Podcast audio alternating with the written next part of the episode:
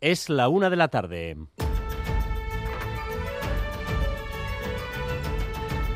Crónica de Euskadi con Dani Álvarez.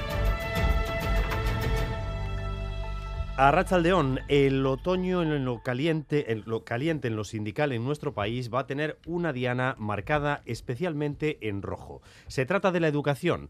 No solo la educación pública va a tener huelgas. Recuerden, 24 de octubre más los dos días de huelga en todo el sector público. También los sindicatos de la concertada se lanzan a las movilizaciones y no van a ser eh, ni uno ni dos días, ni siquiera tres ocho días de huelga en la concertada. Eder Menchaca. Sí, ocho nuevas fechas de huelga convocadas para los días 17, 18 y 19 de octubre y los días 11, 12, 13, 14 y 15 de diciembre. Todos los sindicatos de la red de enseñanza concertada coinciden en que la patronal no ha presentado propuestas sobre sus reivindicaciones en el proceso de negociación del nuevo convenio. Entre las principales reivindicaciones piden subidas salariales garantizadas al IPC o aliviar las cargas de trabajo. Lo decimos ocho nuevas jornadas de huelga que afectarán a 120 alumnos y alumnas de Cristau Escola y AIC ICEA. Tres días de huelga en la educación pública, ocho en la concertada este próximo otoño. Mientras, en la Erchaincha se ha entrado en una fase de diálogo para tratar de que acaben las protestas y hay diálogo también en, en Osakidecha, otro sector muy sensible. Hoy hay reunión de la mesa sectorial. Ha empezado con pancartas Veremos si termina con acuerdos. Natalia Serrano. O por lo menos con voluntad de seguir negociando ese acuerdo. El curso pasado, después de meses en reunirse, tras huelgas y movilizaciones, se abrió una línea de diálogo entre la dirección de Osakidecha y los sindicatos, pero apenas ha durado dos reuniones. Curso nuevo, nuevas diferencias, tensionan a los sindicatos el descontrol que dicen hay en las OPEs y seguir sin renovar un convenio y, por lo tanto, unos salarios, aunque de momento solo LAB habla de posibles huelgas. Y ante esto eh, no nos cabe otra que salir a la calle y si siguen sin escucharnos, pues no cerramos ninguna puerta ni de más movilizaciones o más días de huelga. En el Parlamento Vasco hoy se ha aprobado la Ley de Memoria Democrática. Lo ha hecho con un apoyo amplísimo del 90% de la Cámara, pero exclusivamente partidos de inspiración republicana, es decir, la apoyan el PNV, el PSE, Euskal Herria Bildu y el Carrequín. La rechazan los grupos de la derecha. Las víctimas y sus familiares han seguido el pleno en directo y a la salida han sido saludadas una a una por el Lendakari. Las víctimas hablan de día histórico, pero advierten de que vigilarán que se cumpla y que su aplicación sea inminente. Josu Ibarguchi, de la Plataforma Vasca contra los Crímenes del Franquismo. Vamos a hacer un seguimiento exhaustivo de la aplicación de esta ley. No tiene que quedar en un cajón, tiene que activarse inmediatamente y sin esperar a que en la próxima legislatura, que viene pues a cinco o seis meses, se inicie la andadura con esta ley. Pedimos y exigimos que la andadura con esta ley se inicie mañana mismo. Pedro Sánchez no habló en la sesión de investidura de Feijó, pero sí lo ha hecho hoy, ante su partido. Él y casi todos los que le van a dar el sí transmiten cada vez más confianza en que esa investidura se va a producir muy rápido. Podría ser incluso el mes que viene. Madrid y Sarobaza.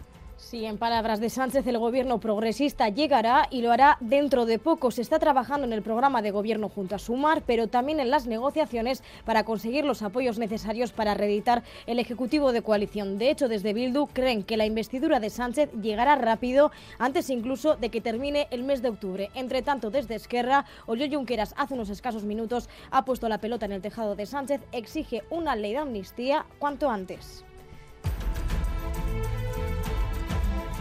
Los precios volvieron a subir en septiembre. Volvemos a estar en una tendencia al alza tras la moderación de la primera mitad del año. El IPC adelantado se sitúa en el 3,5 y la OCU vuelve a constatar que los alimentos son los que soportan una mayor carga, un 14% de más en los supermercados. Pero la Organización de Consumidores dice que si nos tomamos el trabajo de comparar entre las diferentes cadenas, podríamos ahorrar un buen pico, Rodrigo Manero. Sí, hasta 1.000 euros de media cada año. Es la diferencia entre comprar en el supermercado más caro y en el más barato, así lo dice un estudio de la OCU que ha comparado las principales cadenas de todo el Estado.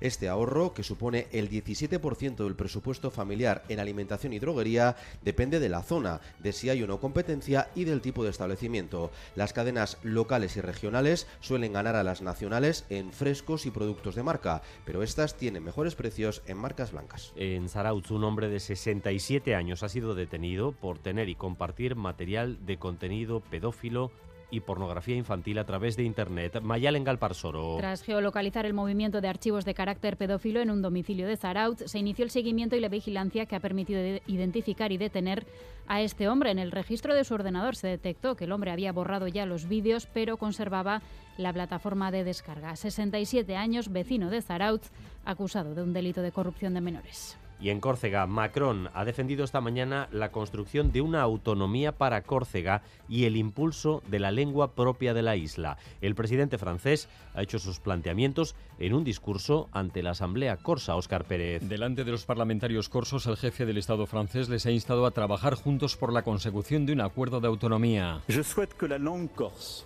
puisse être mieux enseignée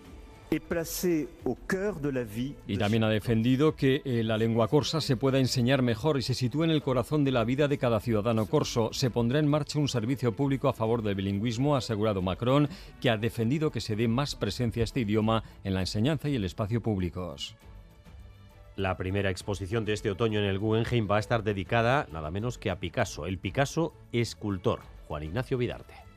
La relación entre Picasso y la figura humana su faceta como escultor, una faceta quizá de la más desconocida, en cerca de 60 esculturas que se presentan aquí hoy en el museo, pues están desarrolladas a lo largo de toda su vida, eh, reflejando además pues una enorme libertad a la hora de enfrentarse con la figura humana, y vamos también con lo más destacado del deporte con Álvaro Fernández Cadierno. Arracha León, Álvaro. Arracha León que pasa por la Liga, hoy dos partidos. A las 7 Celta a la vez, a las 9 y media Osasuna Atlético de Madrid. De momento la jornada se salda con la victoria de la Real en Valencia 0 a 1 y el empate a 2 del Atlético ante el Getafe en San Mamés. En baloncesto, Basconia caía anoche en Murcia y en golf se presenta en Roma esta tarde la Ryder Cup. Comenzará mañana con John Ram como una de las grandes estrellas europeas. Continuamos con ambiente veraniego, cielos despejados y temperaturas máximas que rondan los 30 grados. A eso se van acercando ya 28 en Bilbao y en Donostia, 27 en Bayona, 24 grados de temperatura en Gasteiz y 23 en Pamplona. Gracias un día más por elegir Radio Euskadi y Radio Vitoria para informarse. Raúl González y José Ignacio Revuelta se encargan de la dirección técnica, María Cereceda de la coordinación.